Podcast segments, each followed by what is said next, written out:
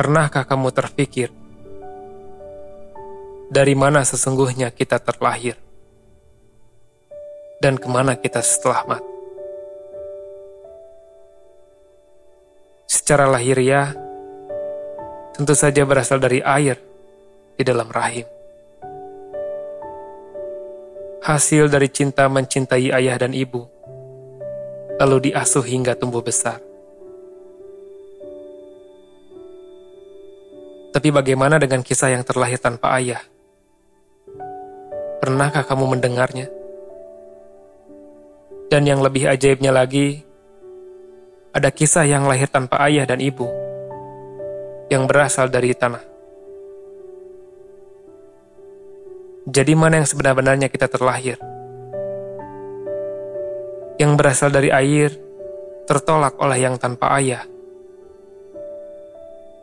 dan yang tanpa ayah tertolak oleh yang tanpa ayah dan ibu yang berasal dari tanah tadi. Apakah kita hanya akan berhenti berpikir dari tanah? Bila kita berpikir lebih dalam lagi, maka pertanyaannya, dari manakah asal tanah tersebut? Terus ke manakah yang berpulang?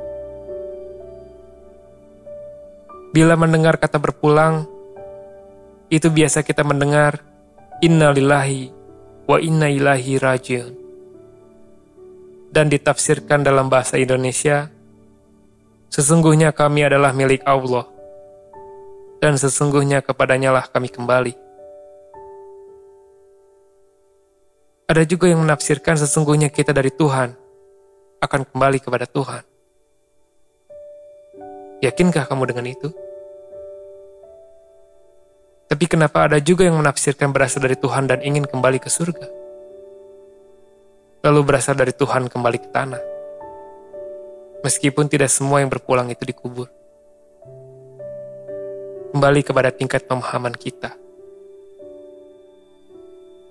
Jadi kuncinya adalah kita berasal dari Tuhan dan akan kembali kepada Tuhan.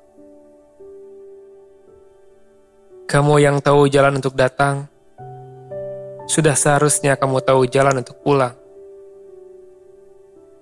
Perumpamaannya, seperti kamu pergi dari rumah, dan sudah seharusnya kamu tahu jalan untuk kembali ke rumah. Meskipun ini berlaku bagi mereka yang mengenal tentang rumah, entah itu diantar ataukah kita dijemput.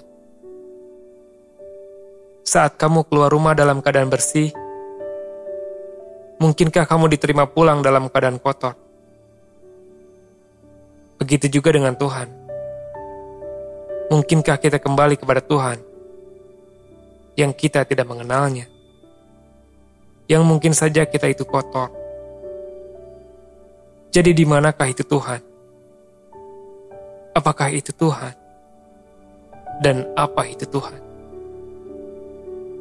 Selamat berkelana kawan.